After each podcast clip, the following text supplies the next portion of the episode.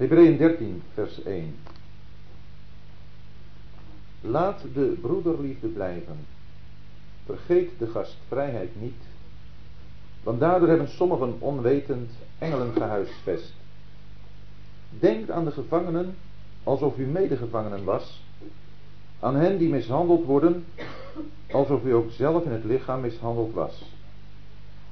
Laat het huwelijk bij allen in ere zijn en het huwelijksleven onbezoedeld, want hoereerders en overspelers zal God oordelen. Laat uw wandel zonder geldzucht zijn en wees tevreden met wat u hebt. Want hij zelf heeft gezegd, ik zal u geen zins begeven en u geen zins verlaten, zodat wij vrijmoedig mogen zeggen, de Heer is mijn helper en ik zal niet vrezen. Wat zal een mens mij doen? Houd uw voorgangers in herinnering die het woord van God op u gesproken hebben en volgt, terwijl u het einde van hun wandel beschouwt, hun geloof na. Jezus Christus is gisteren en heden dezelfde en tot in eeuwigheid. Laat u niet meeslepen door allerlei en vreemde leringen. Want het is goed dat het hart gesterkt wordt door genade, niet door spijzen, waarvan zij die daarin wandelden geen nut hadden. Wij hebben een altaar waarvan zij die de tabernakel dienen geen recht hebben te eten. Want van de dieren waarvan het bloed voor de zonde door de hoge priester in het heiligdom gedragen wordt, daarvan worden de lichamen buiten de legerplaats verbrand. Daarom heeft ook Jezus, opdat hij door zijn eigen bloed het volk zou heiligen, buiten de poort geleden. Laten wij daarom tot hem uitgaan buiten de legerplaats, terwijl wij zijn smaad dragen. Want wij hebben geen blijvende stad, maar wij zoeken de toekomstige. Laten wij dan door hem voortdurend een lofoffer brengen aan God. Dat is de vrucht van de lippen die zijn naam beleiden. En vergeet de weldadigheid en mededeelzaamheid niet, want in zulke offers heeft God een welbehagen. Wees dan uw voorgangers gehoorzaam en wees hun onderdanig, want zij waken over uw zielen als degenen die rekenschap zullen afleggen. Opdat zij dit met vreugde en niet zuchten doen, want het is voor u niet nuttig. Bid voor ons, want we zijn ervan overtuigd dat we een goed geweten hebben, daar wij in alles goed willen wandelen. En des te overvloediger vermaan ik u dit te doen, opdat ik u des te spoediger wordt teruggegeven. De God nu van de vrede, die uit de doden heeft teruggebracht de grote herder van de schapen, onze Heer Jezus, door het bloed van het eeuwig verbond, mogen u volmaken in al het goede tot het doen van zijn wil, terwijl hij in ons doet wat voor hem welbehagelijk is door Jezus Christus. Hem zij de heerlijkheid tot in alle eeuwigheid. Amen. Maar ik vermaan u broeders, verdraagt het woord van de vermaning. Immers met weinig woorden heb ik u geschreven. Weet dat onze broeder Timotheus losgelaten is. Als hij spoedig komt, zal ik met hem u zien. Groet al uw voorgangers en alle heiligen. U groeten die van Italië. De genade zijn met u allen. Amen.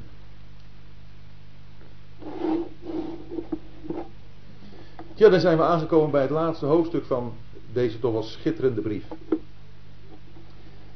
Een brief die ons in uh, zoveel aspecten de heerlijkheid van de Heer Jezus heeft laten zien. En met dit hoofdstuk sluit de schrijver van deze brief deze brief af, waarin hij nog een aantal, ja zou zeggen, alledaagse dingen naar ons toebrengt. Die laatste drie hoofdstukken, daar is wel eens van gezegd, als je hoofdstuk 11 ziet, dan zie je daar geloof. In hoofdstuk 12 de hoop. En in hoofdstuk 13 de liefde. Die laatste drie hoofdstukken geven ons geloof, hoop en liefde. Liefde in hoofdstuk 13, die begint met broederliefde. Die vervolgt met liefde tot vreemdelingen, gevangenen, die volgt met liefde in het huwelijk. Met liefde tot de Heer Jezus. Met liefde tot God. Met liefde tot elkaar.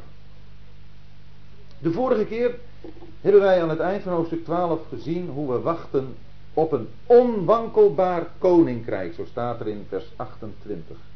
Daar mogen we naar uitzien. Maar er is iets wat nog moet blijven. Maar wat ook onwankelbaar behoort te zijn. En dat is de broederliefde. Laat de broederliefde blijven. Als je met elkaar, zoals hier de gelovigen uit de Hebreeën, een gezelschap vormt, wat toch wel behoorlijk onder druk staat, wat, zoals we het in hoofdstuk 10 gelezen hebben, roof van hun bezittingen heeft ondergaan, wat, zoals we ook in hoofdstuk 13 hebben gelezen, een plaats van smaad zou innemen, dan kan het allemaal wel eens wat veel worden. Dan kun je ook ten aanzien van je broeders en zusters je best wel eens een keer alleen voelen staan. Dat je denkt, ja moet ik het allemaal alleen dragen. Dat je die verbondenheid niet meer zo heel erg voelt. Laat de broederliefde blijven. Dat is geen opdracht die zomaar in het luchtledige hangt. Maar die hebben we nodig. Ook als er wel eens verschil van gedachten is, verschil van opvattingen. Soms zelfs een verschillende weg die je zou moeten gaan naar je overtuiging. Laat de broederliefde blijven.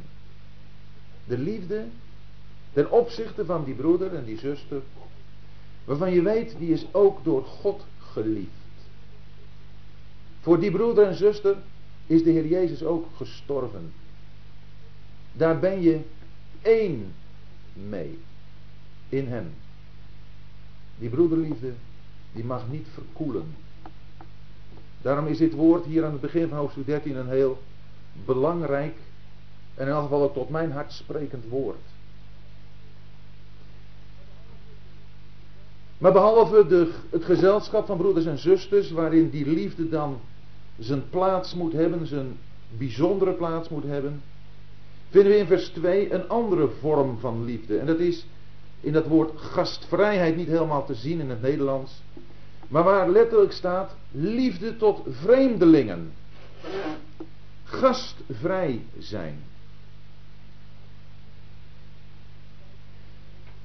In een tijd van vervolging en verdrukking, waar ook de gelovigen uit Hebreeën mee te maken hadden, daar ben je geneigd je soms terug te trekken binnen je eigen beschermde gebiedje. Je een klein beetje aan de problemen en zorgen te onttrekken. En je niet te veel op te houden met allerlei andere dingen die zo op je af kunnen komen. Maar liefde voor vreemdelingen is een activiteit die zich naar buiten toe richt. Ik denk dat dat zowel voor gelovigen als voor ongelovigen geldt. Dat wanneer we mensen op onze weg krijgen, dat we hen gastvrij zullen ontvangen. Daardoor hebben sommigen zonder het te weten engelen gehuisvest. En dan kunnen we denken aan wat we lezen in Genesis 18 en Genesis 19. Waar we lezen van een Abraham, maar ook van een Lot. Dat zij die mannen die tot hen kwamen gastvrij onderdak hebben geboden. Daarbij hebben ze, zonder het te weten, engelen gehuisvest. Dat het engelen waren, dat wordt duidelijk uit Genesis 19, vers 1. Goed, de Heer Jezus was natuurlijk geen engel. Maar wat denkt u van die Emmausgangers? Die toen ze daar onderweg waren van Jeruzalem naar Emmaus, ineens die vreemdeling bij zich aantroffen. Die hem de schriften opende.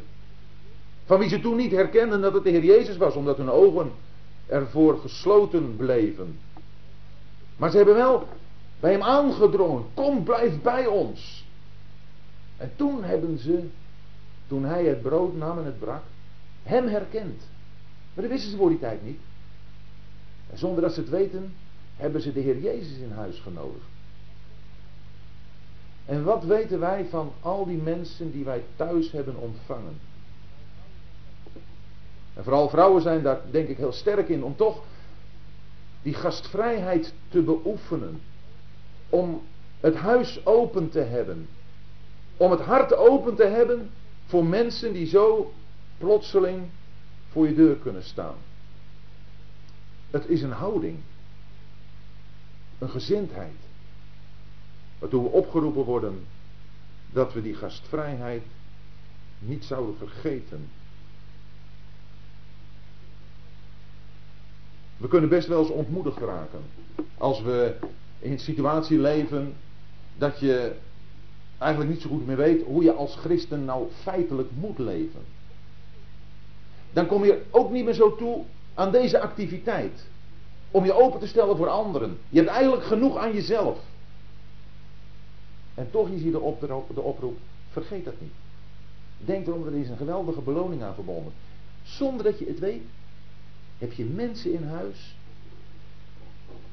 die een hele belangrijke waarde voor God hebben. En, en wat te denken van uh, wat de Heer Jezus zegt in Matthäus 25.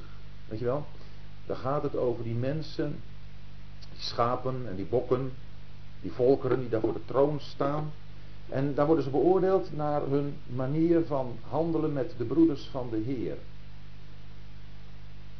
En de Heer zegt tegen de schapen dat zij het koninkrijk mogen binnengaan. Waarom? Ach, ze hadden hem, zegt de Heer Jezus, jullie hebben mij, toen ik in de gevangenis was, opgezocht. Toen ik ziek was, hebben jullie uh, om mij om bekommerd. En, uh, en dan zeggen ze, ja, maar, maar wanneer hebben we dat gedaan? We, we, hebben we hebben er helemaal geen weet van. Ja, maar zegt de Heer, voor zoveel je dat aan een van de geringste van deze mijn broeders gedaan hebt, heb je het mij Maar dat is mooi. De Heer Jezus die vereenzelvigt zichzelf met de zijnen hier op aarde die in moeitevolle omstandigheden zijn. En als wij zulke mensen gastvrij ontvangen, dan doen we dat in wezen voor Hem. Zo ziet Hij dat en zo beloont Hij dat. Dat tilt dat gastvrij zijn naar een toch wel hoger plan. En is het opnieuw, hoop ik, een stimulans, zowel voor mezelf als ook voor u om daar weer eens aan te denken. En dat denken, dat moeten we ook doen aan de gevangenen. Ja, die gevangenen, daar kun je niet uh, je huis voor openstellen. Ja, dat zou je dan wel willen. En dat is misschien ook wel heel gemakkelijk, maar die komen toch niet, want kunnen hun plek niet verlaten. Die gevangenen, daar moet je aan denken op een manier dat je daar actief mee bezig bent. Je inleven zelfs en dan gaat het met name om hen die mishandeld worden. Alsof u ook zelf in het lichaam mishandeld was. Dat is inleven. En wat komen wij er moeilijk toe om ons in de ander in te leven. Hebt u nog nooit meegemaakt? Dat als je eens vraagt, hoe gaat het dat er een geweldig verhaal komt. En dat als ze jou dan vragen, hoe gaat het met jou? Dan zeg je een zin, maar je haalt adem en dan beginnen ze weer. Echte belangstelling voor elkaar is luisteren naar elkaar. Is openstaan voor elkaar. Is proberen te begrijpen waar echt de ander geestelijk is. En daar hebben we moeite mee. Wij vertellen veel liever ons eigen verhaal. Dan dat we echt aandachtig luisteren naar wat de ander zegt. Soms trap je je erop dat er een ander aan het praten is. Dat je zelf zit te denken van. Wat zal ik dadelijk gaan zeggen? maar echte aandacht. Echt je verplaatsen in de positie van de ander. Dat is wat hier naar ons toe komt. Denk aan de gevangenen alsof u medegevangenen was. Dat heeft iets van wat we in 1 Corinthians 14 lezen. Als één lid leidt, leiden alle leden mee. Als gelovigen horen we bij elkaar. Goed, dat weten we. Dat beleiden we.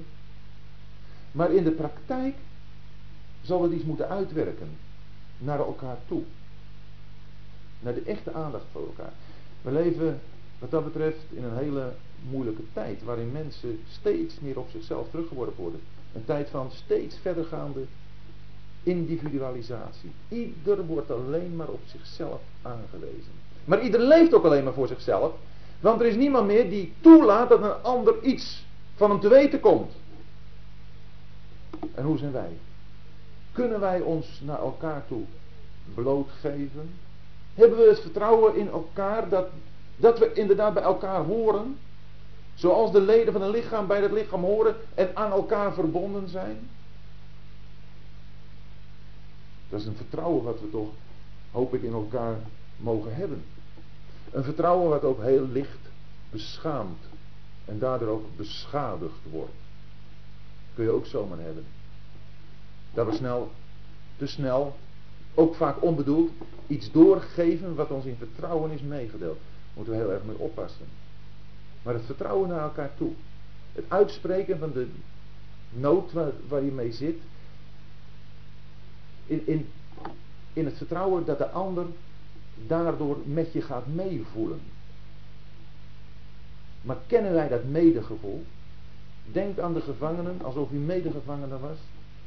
Aan hen die mishandeld worden als mensen die ook zelf in het lichaam bent. Dat wij de pijn van de gevangenen, de eenzaamheid van de gevangenen, ervaren, voelen, alsof we zelf gevangen waren, alsof we zelf mishandeld werden. Dat vraagt wel wat. Terwijl ik dat zo voor mezelf las, dacht ik, daar ben ik in elk geval nog lang niet aan toe. Eigenlijk bidden we al sowieso, ik tenminste, veel te weinig voor, voor mensen die voor het geloof in de gevangenis zitten. Laat staan dat ik me probeer in te denken wat deze mensen moeten doormaken. En dan te denken aan vrouwen en kinderen die vaak alleen thuis zijn, die, die zonder de steun van een echtgenote zaken moeten zien te rooien. Echt daarmee bewogen zijn. Wij worden zo ontzettend ingepakt door alle zorgen van het leven, door allerlei activiteiten die we ontplooien hebben, allerlei hobby's die we, die we graag willen doen, allerlei ontspanningen die we zoeken. En op zichzelf is dat op, op de goede tijd ook helemaal niet tegen. Maar het leven lijkt er wel uit te bestaan. Laten we aan de gevangenen denken. En die zijn er nog heel wat. We hoeven daar zomaar eens een keer een blaadje over te lezen, of dat nu van Open Doors is of van Vredenstimmen. Er zijn ook andere dingen waardoor we op de hoogte kunnen komen van mensen die voor het geloof lijden. Want het gaat natuurlijk hier om gevangenen die voor de Heer Jezus, voor de naam van de Heer Jezus in de gevangenis zitten. Omdat ze voor Hem uitgekomen zijn. Dat soort angst hebben wij niet, dat we daarvoor opgepakt worden. Maar hebben we dan gedachten aan hen? Gevoelens voor hen? Zodat wij bij hen betrokken zijn. Zoals zo'n uh, zo'n Onesiphorus, meen ik, in 2 Timotheus 1. Daar lezen we van dat hij op zoek ging naar Paulus. Paulus staat er ergens in Rome in een gevangenis. Nou, Rome is natuurlijk helemaal geen dorp. En er zullen misschien wel meer gevangenissen geweest zijn. Maar Onesiphorus, daarvan staat dat hij mij ijverig gezocht en gevonden heeft. Daar heeft hij wat voor gedaan. Doen wij ook wat om elkaar op te zoeken? En misschien niet letterlijk in de gevangenis, maar er zijn ook broeders, zusters, ook jonge mensen die zitten gevangen in een bepaald patroon van denken. Opzoeken. Dat betekent naar hen toe gaan. Proberen in die gevangenis een klein beetje in te dringen. In wat hen bezighoudt. En daarin te helpen. En er samen uit te komen. Zorg voor elkaar. Medelijden met elkaar. Is in deze wereld onbekend. En het wordt, ik denk dat ik moet zeggen, maar helaas ook onder christenen een steeds schaarser artikel. Want je kunt met heel veel dingen druk zijn. Ook zelfs met het werk voor de Heer. Terwijl je aan de enkeling voorbij gaat. Die enkeling die het nodig heeft om gewoon eens een keer aangehoord te worden. Of wat dat betreft ook niet ten onrechte van elkaar verwachtingen te hebben. Alsof iemand die bepaald werk voor de Heer doet alles zou kunnen. Daar gaat het helemaal niet om. Maar het feit dat we allemaal, ieder van ons, gewoon openstaan voor dat wat er in het hart, in het leven van de ander speelt. Om daarvoor te gaan bidden. Om daarin mee te gaan lijden. Laat het huwelijk bij allen in ere zijn en het huwelijksleven onbezoedeld. Want hoe eerder zijn overspelers zal God oordelen. Broederliefde, een gastvrij huis. Een inleven in situaties van mensen die het voor het geloof moeilijk hebben het huwelijk. Je kunt moeilijk een gastvrij huis hebben als je huis op stelte staat omdat het tussen man en vrouw helemaal niet gaat. In dat opzicht is het belangrijk dat het huwelijk in ere is. Dat tussen man en vrouw een goede relatie is. Nu gaat het hier met name om de manier waarop men met elkaar omgaat als man en vrouw ook in seksueel opzicht. Het huwelijksleven, eigenlijk staat er het bed onbezoedeld. En een huwelijk dat in ere is, dat betekent dat er trouw is. Trouw van de man ten opzichte van de vrouw. Trouw van de vrouw ten opzichte van de man. Dat het bed alleen gedeeld wordt met de man, de vrouw waarmee je getrouwd bent. Niet ervoor, niet erbuiten. Hoereerders, God zal ze oordelen. Hoereerders zijn degenen die voordat ze met elkaar getrouwd zijn, met elkaar naar bed gaan. Seksueel contact hebben. Dan is het huwelijksbed niet meer onbezoedeld, het huwelijksleven. Dan is er vooruitgegrepen op iets wat God uitsluitend voor binnen het huwelijk heeft bewaard. Overspelers, dat zijn degenen die, terwijl ze getrouwd zijn, met een ander seksueel contact hebben. En dat is ook een gruwel voor God. Voor het huwelijk en buiten het huwelijk is elk seksueel contact ongeoorloofd. En dat is iets wat we natuurlijk in de wereld om ons heen helemaal niet meer tegenkomen. Het huwelijk is gedegradeerd tot een bepaalde vorm van samenwoning. Ietsje verplichtender dan dat je ongetrouwd samenwoont. En of het nu eenkennig is of dat je dat met meerdere personen, het zijn dezelfde tijd, het zij op één volgend doet, dat maakt allemaal niks uit. En we mogen dat, zoals we hier zitten, misschien wel weten, maar we zullen dat ook moeten waarmaken in onze gedachten en moeten vasthouden. Omdat we zo licht geneigd zijn om onze standaard wat dat betreft wat te gaan aanpassen aan de algemene denkwijze van deze wereld. Daar komen we allemaal mee in contact. Ons werk, op school, je krijgt ermee te maken. En je kunt er op één manier een goed getuige van de Heer zijn door ook dit in je denken, in je hart, de juiste plaats te geven. En alles wat er in je denken is, wat er in je hart zou kunnen opkomen, van een neiging om het toch allemaal maar niet meer zo nauw te nemen, zoals hier de Bijbel het heel duidelijk zegt, dat moeten we veroordelen. En we zullen elkaar, en daarom staat het ook in de Bijbel, zullen elkaar daar steeds weer aan moeten herinneren. Mogen herinneren. Noodzakelijk moeten herinneren om hierin rein te blijven. Ook in dat wat wij naar anderen toe mogen doorgeven. Want het is Gods bepaling ten aanzien van wat zegen inhoudt. Hij wil zegenen. Als hij grenzen bepaalt in het huwelijk, maar ook op allerlei andere terreinen van het leven, dan is dat tot zegen. Als we die grenzen overschrijden, dan zullen we daar de vloek van moeten dragen. De gevolgen ook. En daarbij komt dat God dat zal oordelen. God zal het oordelen. Zulke soort dingen gebeuren altijd, zeker in het begin, stiekem. In het verborgene, in het geniet. Maar niet voor God verborgen natuurlijk. En we kunnen de dingen voor elkaar verbergen, maar nooit voor God. En God zal het oordelen. En daarom is het belangrijk dat als er iets in ons denken is, mogelijk in onze praktijk, wat hiermee in strijd is, om het te veroordelen bij onszelf. Om het te beleiden voor God. Om ons denken opnieuw aan de schrift te onderwerpen. Onze praktijk opnieuw weer aan de schrift te eiken en naar aanleiding van de schrift weer te gaan wandelen. Laat uw wandel zonder geldzucht zijn. En wees tevreden met wat u hebt.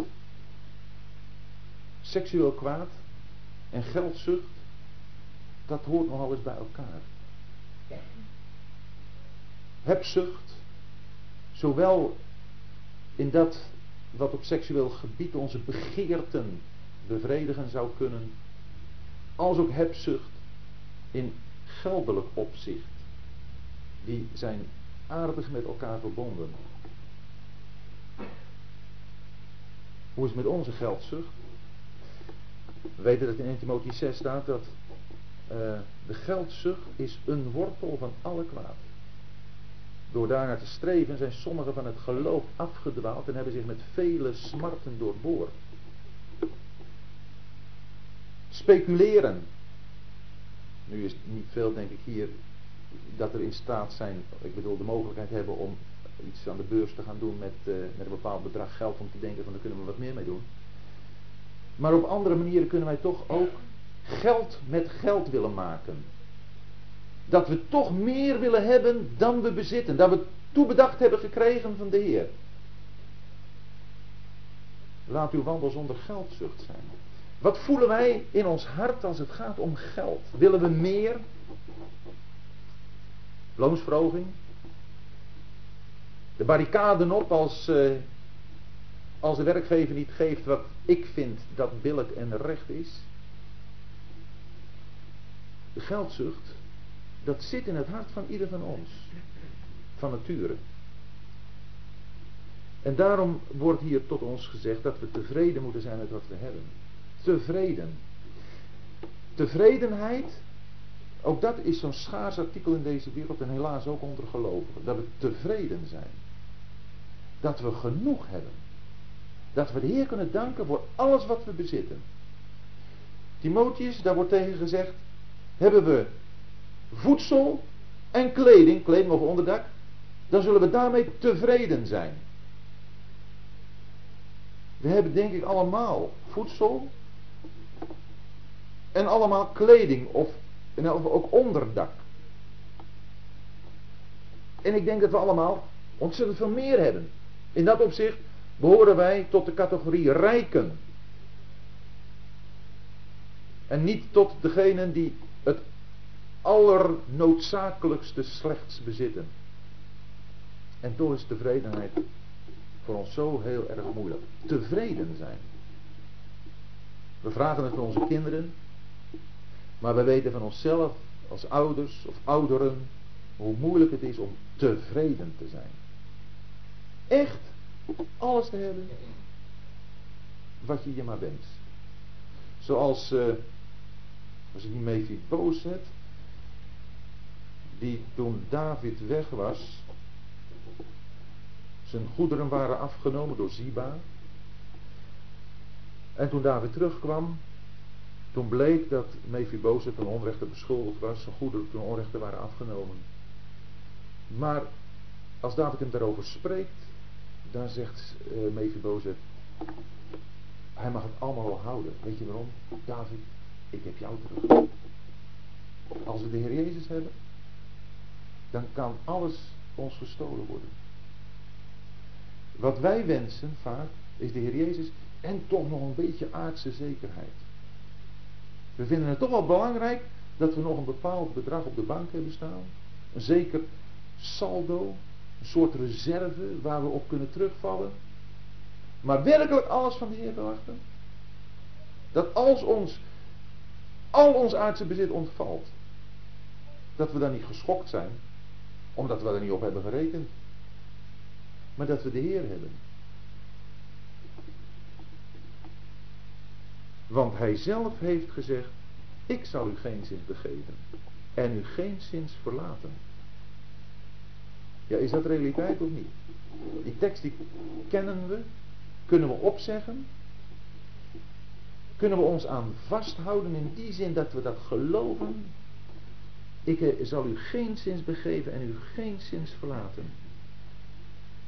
Maar wanneer dat pas werkelijkheid wordt, wanneer wij vrijmoedig zeggen, de Heer is mij een helper en ik zal niet vrezen, wat zal een mens mij doen? Dus aan de ene kant, hij zelf heeft gezegd, God zegt iets.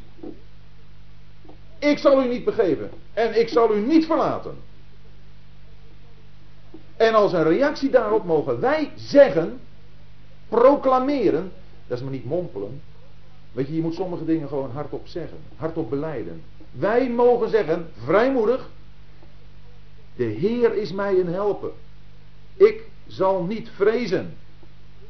Durven wij dat tegen de mensen te zeggen om ons heen? Als het soms eens moeilijk is. In ons leven. Dat we het dan tegen de mensen zeggen. De Heer is mijn helper. Ik zal niet vrezen. Wat zal een mens mij doen? Of als er aanvechtingen komen van de duivel. Hardop zeggen. De Heer is mijn helper. En ik zal niet vrezen. Wat zal een mens mij doen? Dat is een proclamatie tegenover de duivel en zijn demonen. En dat is uit het woord van God zelf. Het antwoord op wat God zegt is een woord uit het woord van God. Dat is wat God graag hoort. En dat is wat ons steun geeft. Dat zijn niet onze fraaie formuleringen. Soms weten we niet eens wat we moeten zeggen. Maar dit mogen we zeggen. Vrijmoedig. Hardop. Tegenover al die aanvallen die op ons afkomen. Laten we dat vasthouden. Ook naar elkaar toe. Weet je wat voor, voor mij, misschien voor u ook wel eens de moeilijkheid is, dat, dat ik bang ben dat als ik het zeg, dat ik daarop afgerekend word. Dan zeg ik het wel, maar oeh, dan heb ik me toch wel flink blootgegeven. En als ik dan een keer onderuit ga, dan zeg je, ja, maar blijf nou? Je hebt het zo vrij gezegd. Waar blijf je nou? En toch blijft dit waar. In jouw en in mijn situatie, in uw situatie. Dat we dat zullen zeggen. Als dan mensen komen en die God van jou. Waarom laat hij dit dan toe en waarom laat hij dat dan toe? Als hij nou echt van je houdt, waarom moet je dat dan steeds maar overkomen? Heer is mijn helper. Ik zal niet vrezen. Wat zal een mens mij doen? Daarop ik vertrouwen. Dat blijven vasthouden. Dat vrijmoedig mogen we dat zeggen. Vrijmoedig. En God heeft ervoor gezorgd dat er ook voorgangers zijn. We zijn een gezelschap dus van mensen die aan allerlei kanten onder druk staan. Maar er zijn ook voorgangers die we in herinnering mogen houden, want die hebben het woord van God tot ons gesproken. En we mogen, terwijl we kijken naar het einde of de uitgang van hun wandel, hun geloof navolgen. Het is fijn als je op uh, mensen kunt zien. Goed, hier gaat het om voorgangers die dus nu bij de Heer zijn. En we hebben ook over voorgangers gelezen in vers 17, die nu nog onder ons zijn, aan wie we nu gehoorzaam en onderdanig behoren te zijn, zoals ook in vers 24 de voorgangers die uh, elders zijn, maar ook nog in leven. Hier gaat het in vers 7 over voorgangers aan wie we goede herinneringen bewaren. Ik weet niet wat voor soort boeken u leest, maar er zijn ontzettend veel gelovigen die goede boeken, opbouwende boeken hebben geschreven. Die iets over de Heer Jezus hebben doorgegeven op papier en waarvan je, als je het leest, geniet. Die je bemoedigen, die ondersteunen, die in de goede richting stimuleren. Waarvan je ook weet, die mensen, die hebben zelf waargemaakt waar ze over hebben geschreven, waar ze destijds over hebben gesproken. Laten we die in herinnering houden. Het gaat hier natuurlijk om de eerste plaats om mensen die tot ons persoonlijk gesproken hebben. Velen van ons, ach misschien wel allemaal, hebben we misschien wel mensen in gedachten, ouderen gelovigen destijds, aan wie we veel hebben gehad en die nu bij de Heer zijn. Laten we ze in herinnering houden. Ze hebben het woord van God op ons gesproken. En, en we hebben gezien hoe ze hebben geleefd. En ook gezien hoe ze naar de Heer gegaan zijn. In het geloof waarin ze hebben geleefd zijn ze ook gestorven. En we mogen daar naar kijken. We mogen ons daar aan optrekken. We moeten hun geloof navolgen. Wat was de kracht van hun wandel? Dat was dat ze zagen op de Heer Jezus. Het voorwerp van hun geloof. We moeten niet de manier van praten gaan imiteren. Niet de manier waarop ze zich hebben gedragen, op hebben, de manier waarop ze hebben gelopen in letterlijke zin.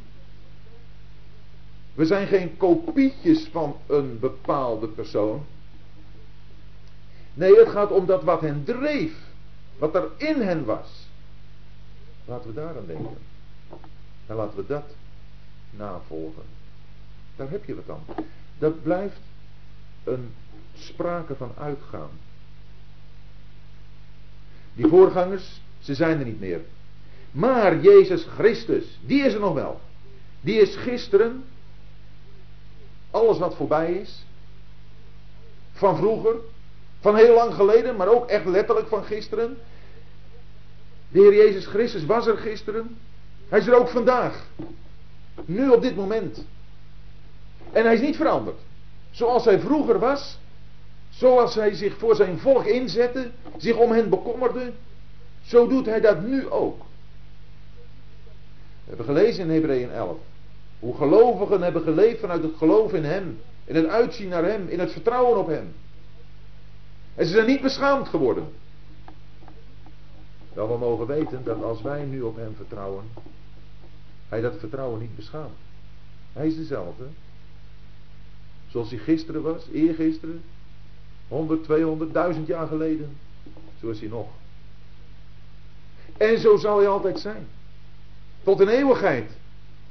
We zullen als we bij hem zijn, niet een andere Christus tegenkomen. Hij zal niet ineens voor ons van, van uh, manier van handelen veranderen. Hij is dezelfde. Hij is degene op wie je rotsvast kunt vertrouwen. Alles om ons heen verandert. Wij kunnen veranderen. Onze gedachten kunnen veranderen. Wij kunnen ontrouw worden. Hij niet. Als er iets is waar we, waar we behoefte aan hebben, dan is dat aan iets wat onveranderlijk is. In de maatschappij waarin je leeft heb je steeds met veranderingen te maken. Dankzij de veranderingen blijven dingen een beetje fris. Kan men steeds wat beter gaan functioneren. Hij verandert niet en dat geeft rust. In de maatschappij, op het ene moment, dan ben je onmisbaar. En op het andere moment zet hij je bij het vuilnis. Dat is de veranderlijkheid van de omstandigheden, van de situatie waarin we ons bevinden. Hij verandert niet. Hij is dezelfde. Dat geeft rust voor het hart. Dat geeft kracht. Laat u niet meeslepen met allerlei, door allerlei en vreemde leringen. Want het is goed dat het hart gesterkt wordt door genade, niet door spijzen, waarvan zij die daarin wandelden geen nut hadden. Als het hart niet genoeg heeft aan Christus, dan gaat het hart zich openstellen voor allerlei en vreemde leringen. Weet je wat je dan krijgt? Dan ga je interesse tonen voor dat soort lering en voor die uiting. En dan wil je dat eens wat beter onderzoeken, want dat is toch ook interessant. Dat geldt op wetenschappelijk gebied. Dat geldt op geestelijk, op emotioneel gebied. Je wil dat allemaal wel eens wat beter leren kennen. Want Christus is wel dat is wel aardig, dat is wel goed. Maar alles, nee, dat is wat te beperkt, te benauwd. Het leven is toch veel ruimer? Er zijn toch veel meer interessante dingen? Laat je er niet door meeslepen. Want je laat je meeslepen van de enige rots van vastigheid. Vers 8, Jezus Christus is gisteren en heden dezelfde tot een eeuwigheid. Dat, dat staat als een rots in de branding.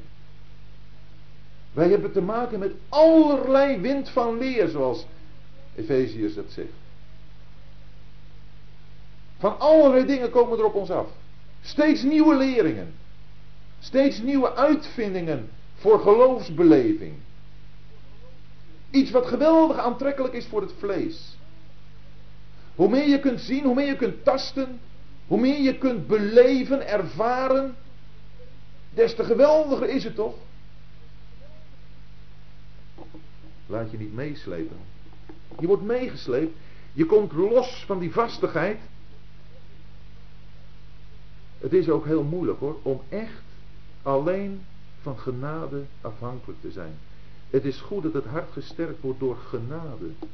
Weet je, al die andere dingen, die doen een appel, een beroep op jouw beleving, op jouw inspanning ook.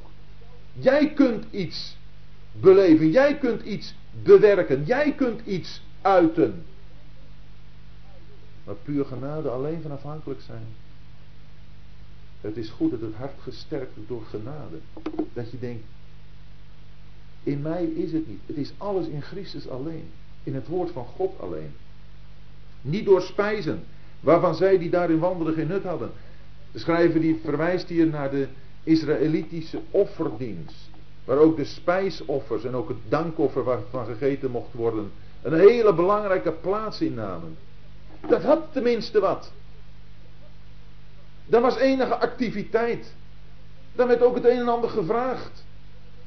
Van inspanning. Daar kon je ook echt iets van proeven, van, van genieten. Gewoon heel, heel letterlijk. Maar dat is niet waar je nut van hebt. Dat is niet wat je geestelijk leven opbouwt. Niet dat wat een tastbare godsdienst is, bouwt op. Maar wat een geestelijke godsdienst is.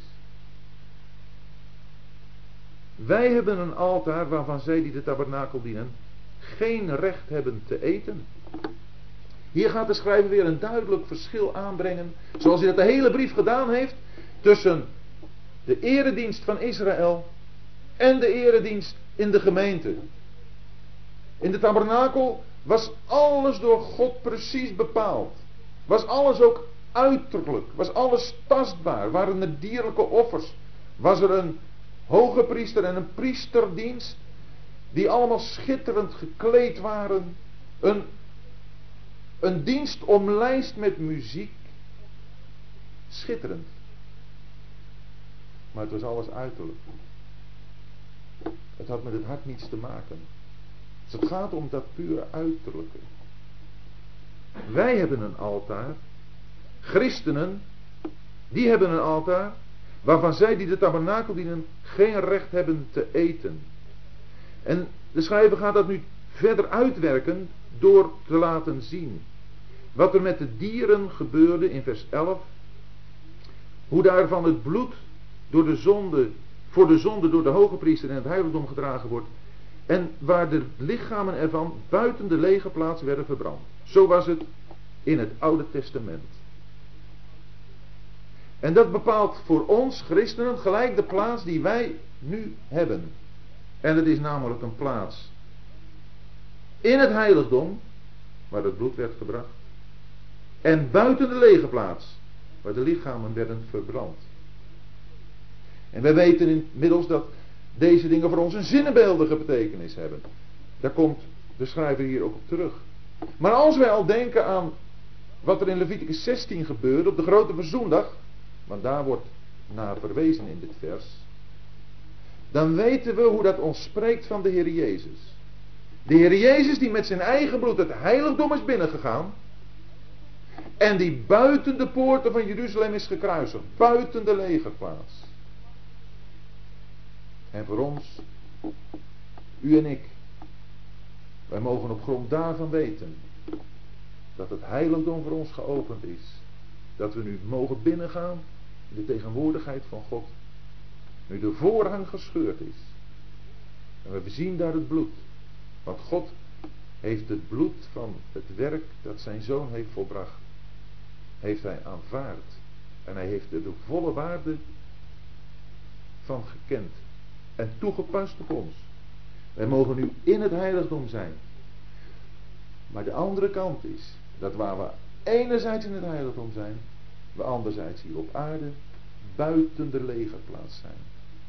En wat in Israël de woonplaats van God was, is doordat de Heere Jezus, toen hij kwam tot de zijnen, waar de zijnen hem niet hebben aangenomen, dat de Heer Jezus buiten Jeruzalem is gekruisigd. Hij is verworpen. En de legerplaats is daarmee een plaats geworden. Waarvoor de reine, voor de Heer Jezus, geen plaats was. En daarom moeten ook wij uitgaan. Tot hem, buiten de legerplaats. Daarom heeft ook Jezus, zegt vers 12, opdat hij door zijn eigen bloed het volk zou heiligen, buiten de poort geleden. Zijn lijden buiten de poort van Jeruzalem. Buiten dat godsdienstige stelsel. Waar de mens groot was. Waar de overpriesters hun gezag wilden handhaven en hun claim op het volk wilden vasthouden. Die legerplaats, daar was voor de Heer Jezus geen plaats. En hij is eruit weggejaagd. Verworpen. En hij buiten de poort geleden. Maar hij heeft het gedaan omdat hij door zijn bloed het volk zou heiligen. Daarom laten wij tot hem uitgaan buiten de legerplaats, terwijl wij zijn smaad dragen. Dat betekent voor ons de oproep, want het is hier een oproep, dat wij vrijwillig uitgaan. De heer Jezus werd verworpen en werd er buiten geworpen. Maar u en ik, wij worden opgeroepen vrijwillig tot hem uit te gaan. Die lege plaats is nu herkenbaar daar waar een door mensen gemaakte godsdienst in stand wordt gehouden. Waar allerlei uiterlijke rituelen een belangrijke plaats innemen. Maar waar voor Christus, de Christus der schriften, geen plaats is. En u en ik worden opgeroepen daar weg te gaan. En daar ook weer in onze gedachten, als het ware, steeds afstand van te nemen. Dat we niets toelaten van menselijke eerbied, van, van menselijke godsdienst in het dienen van God. Dat wij niet weer via rituelen, via bepaalde inzettingen, via bepaalde gewijde handelingen of gewijde personen weer iets zouden gaan oprichten, waardoor we menen God meer welgevallig te zijn. Voor ons geldt dat het algemeen priesterschap.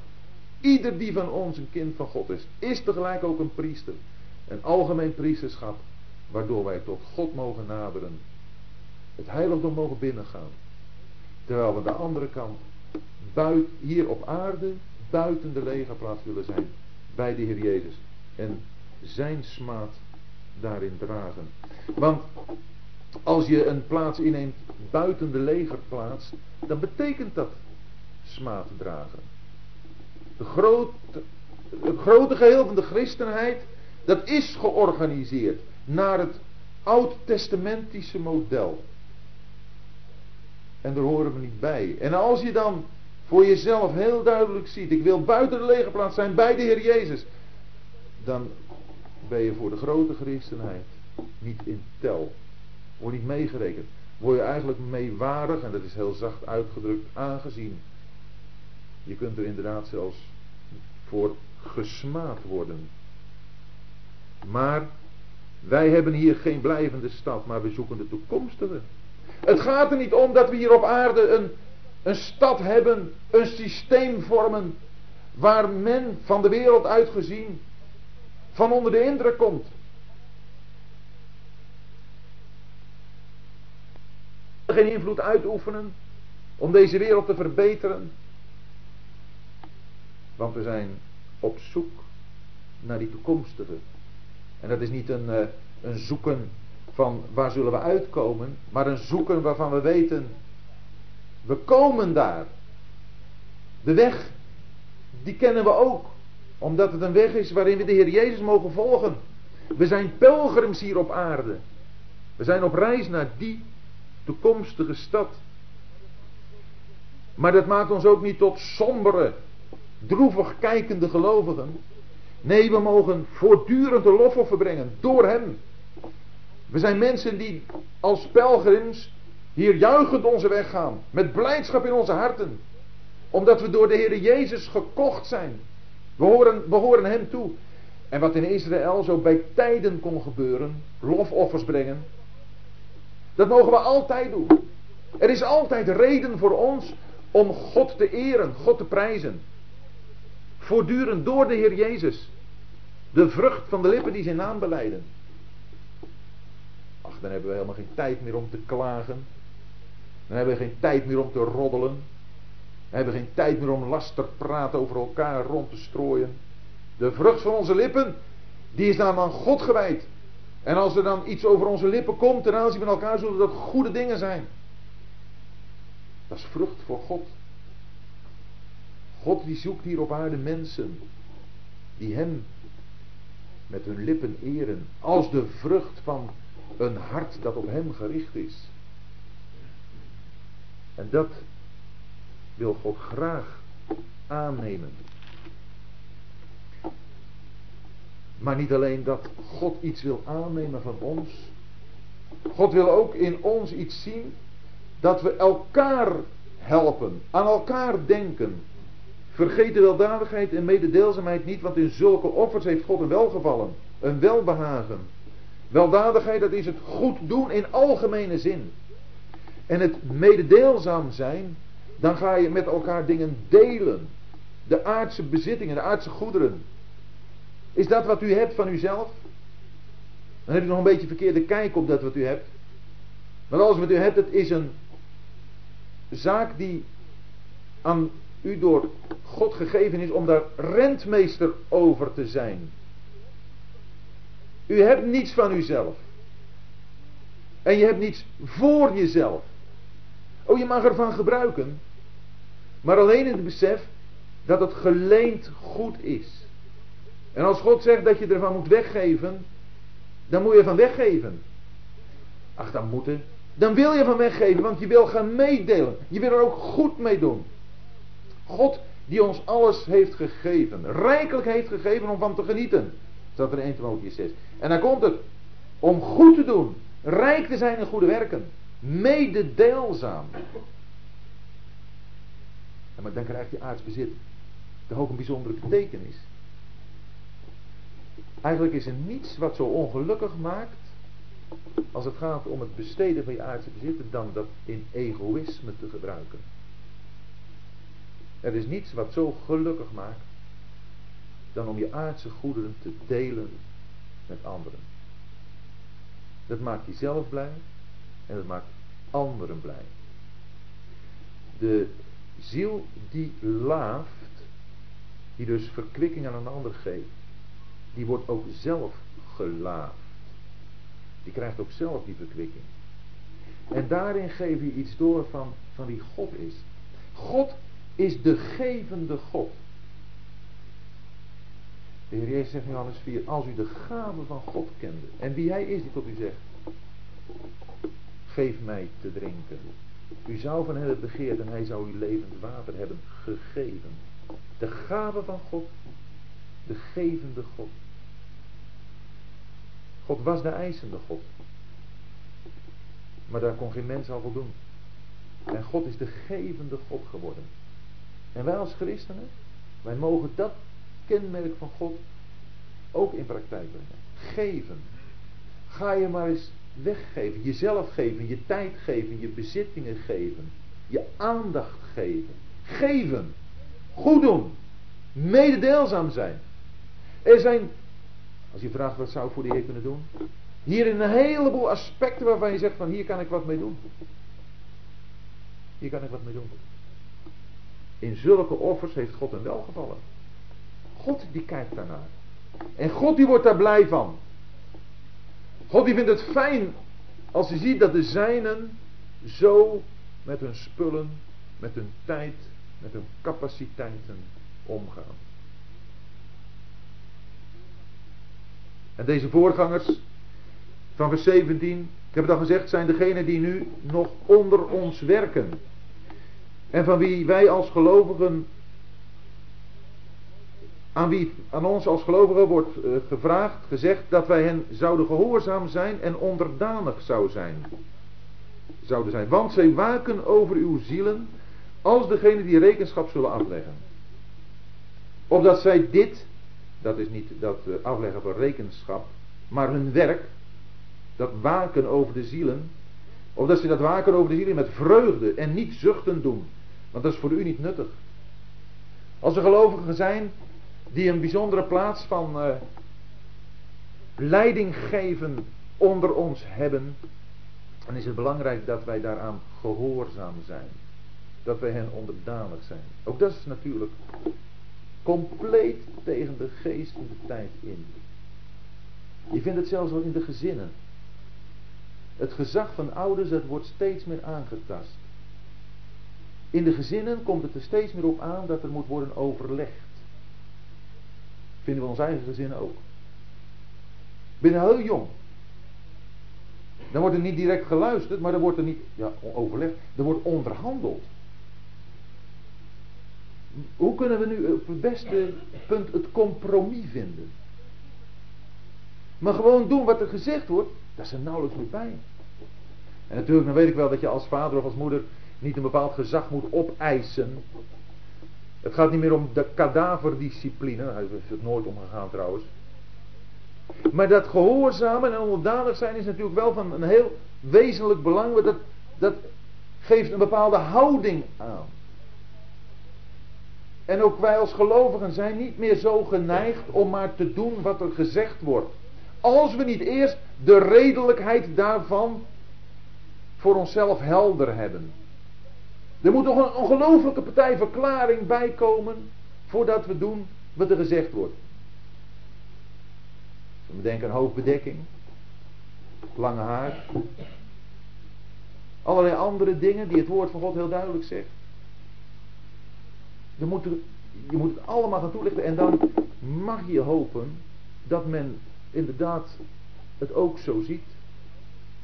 Als het gaat om de verhouding tussen man en vrouw, tussen ouders en kinderen, waarin heel duidelijk aangegeven wordt hoe Gods woord wil dat in de gezinnen de verhoudingen zijn, dan moet je toch wel eerst een heleboel van de nevenomstandigheden en ook van het voorgeslacht kennen, om te gaan begrijpen hoe de situatie werkelijk is.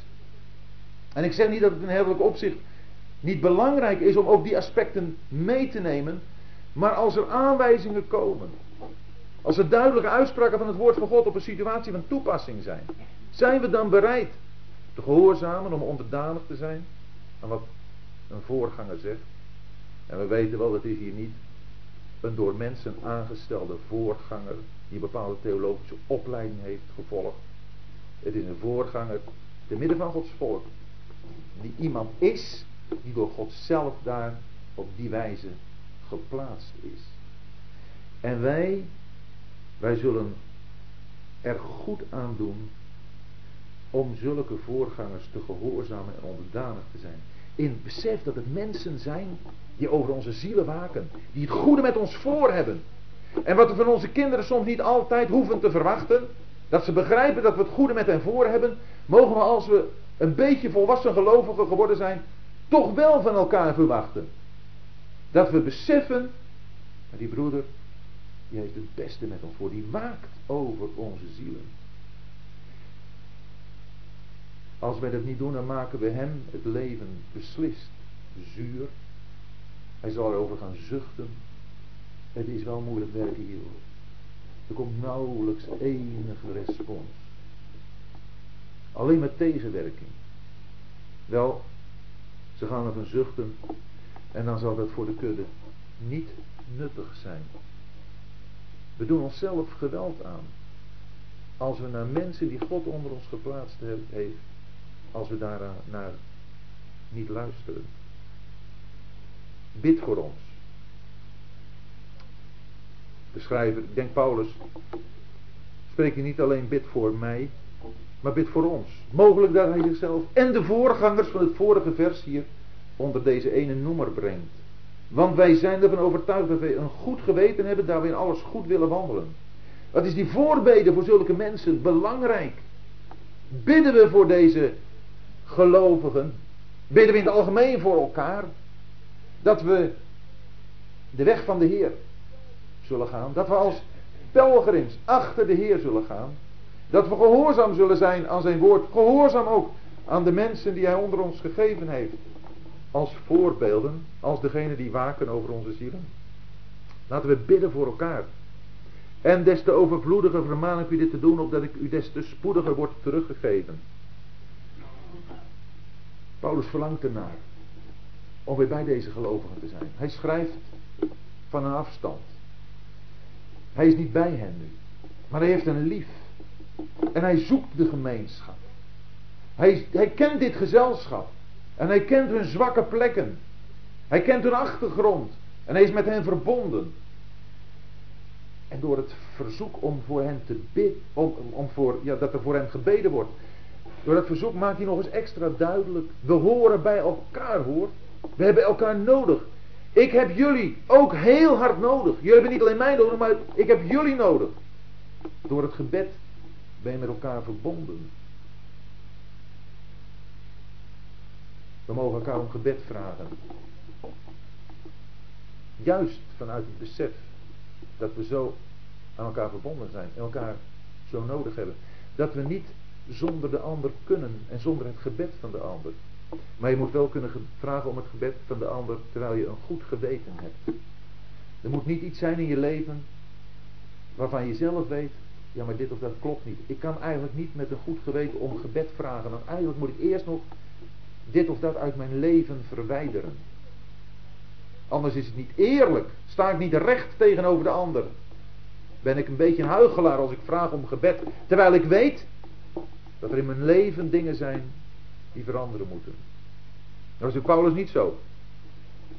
En niet alleen maar ten opzichte van dat hij goed wilde wandelen, maar ook dat hij weer bij hen wilde zijn. En heel vlug. En dat het gebed daaraan een bijdrage zou leveren. En dan komt hij tot zijn slotwoorden. Een zegenwens en groeten. De God nu van de vrede. Wat een prachtige uitdrukking. De God van de vrede. Deze mensen uit het Jodendom, die zoals ze in het Jodendom geleefd hebben, eigenlijk nooit vrede kenden, maar die door het geloof in de Heer Jezus nu echte vrede hebben gevonden. Die wordt nu gewezen op de God van de vrede. Een God die vrede kan geven in de weg die je te gaan hebt. U en ik, het is geweldig de God van de vrede te mogen kennen. De Filippiërs, daar wordt het ook tegen gezegd. De God nu van de vrede. Die, de vrede van God staat daar. In hier. En de vrede van God, die alle verstand te boven gaat, zal uw harten en uw gedachten bewaren in Christus Jezus. De God van de vrede is de God die vrede geeft.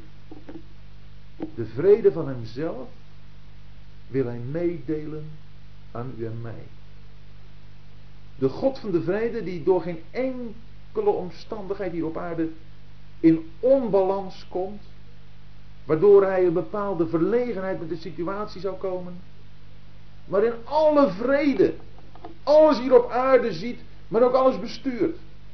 De God nu van de vrede, daar worden we op gericht. Die uit de doden heeft teruggebracht de grote herder van de schapen.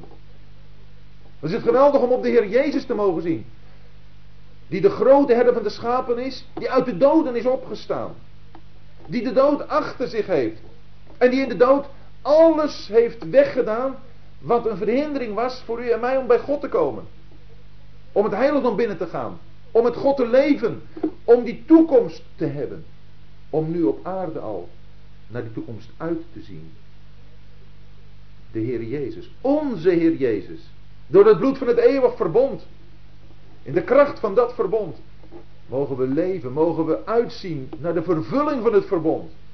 Nog eens is het als ware of Paulus hier alles samenvat. Samenbalt. Van alles wat hij in de voorgaande hoofdstukken geschreven heeft. Om ons nog eens in het kort duidelijk te maken waar we nu mee verbonden zijn. Dat al het aardse kan verdwijnen. En dat alles wat met God, de God van de vrede, met de Heer Jezus die de grote herder van de schapen is en uit de doden is teruggebracht, verbonden is. Op grond van zijn werk, waar het bloed gestort is, die God van de vrede, mogen u volmaken in al het goede toe te doen van zijn wil.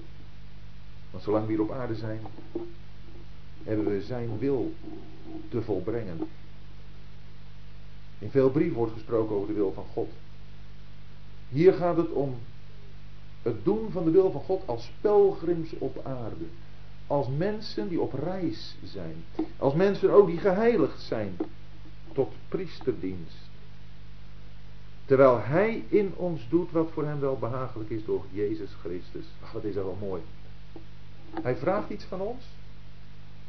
Maar Hij bewerkt dat ook in ons. Als wij ons onmachtig voelen. Terwijl we wel het verlangen hebben. Zullen we merken dat Hij het in ons werkt. Door Jezus Christus. Hij werkt dat wat voor Hem wel behagelijk is. Hem zij de heerlijkheid tot in alle eeuwigheid. Amen. De apostel kan niet alles dan hier met zo'n lofprijzing eindigen. En dan, ik vermaan u, broeders, verdraagt het woord van de vermaning. Immers, met weinig woorden heb ik geschreven. Weinig woorden. Een woord van vermaning. Terwijl wij hier terugkijken op 13 hoofdstukken. En toch ook niet van de kortste hoofdstukken. Maar ik denk dat we er allemaal een beetje van hebben aangevoeld. Dat wat we hebben gezien met elkaar. We hebben slechts aangetipt. En enkele keren eerder heeft hij het gezegd. Bijvoorbeeld. De tijd zou mij ontbreken als ik nog moest gaan verhalen van al die andere mensen in Hebreeën 11. En, en hij heeft ook gezegd. Als maar daar uh, gaat het nu even niet om. Nu kan ik dat even niet. Hij zou nog veel meer hebben willen zeggen. Maar het noodzakelijke heeft hij gezegd. Het noodzakelijke is ons overgeleverd door wat we in deze brief hebben. Als een, een uitnodiging voor u en mij om daar steeds meer in te ontdekken doordat we dat lezen. Een woord van vermaning met weinig woorden. En dan nog een paar opmerkingen over een broeder Timotheus die losgelaten is. En die als hij spoedig komt, hij samen met Timotheus hen zal zien. Hij wist dat ze belangstelling hadden voor Timotheus. Ze hebben zich afgevraagd hoe het met Timotheus ging. Echte betrokkenheid op elkaar, we hebben het aan het begin gezegd. Dat, dat zien we in de belangstelling voor elkaar. En Paulus, hij weet dat. En hij zegt, en weet maar, dat Timotheus losgelaten is. En samen met hem kom ik zo spoedig mogelijk. Wat zullen die gelovigen daarna hebben uitgezien?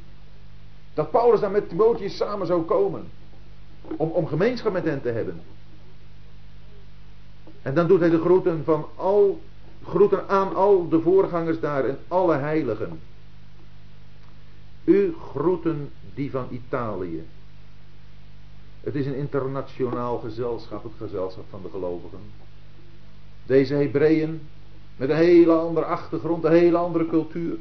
En deze gelovigen uit Italië. Totale andere mensen. Maar één in Christus. En het is mooi als je ergens anders in deze wereld komt. Van een heel ander werelddeel met een hele andere mensen, een andere cultuur en aanraking komt. Maar het zijn gelovigen. Dan zie je daar een kind van God. Een familielid. Die je van harte lief hebt. En waarvan je ook die liefde voelt. Dan vallen die dingen weg. Het is een eenheid door de Heer Jezus tot stand gebracht. De genade zij met u allen. Amen. Ik hoop dat dat woord voor u en mij als slotwoord van deze brief na mag klinken in onze oren. De genade zij met u allen. Die hebben we nodig, die genade. Om door te leven. Om het einddoel mee te bereiken. Die wordt ons toegewenst. Geven de Heer dat in zijn genade aan ieder van ons.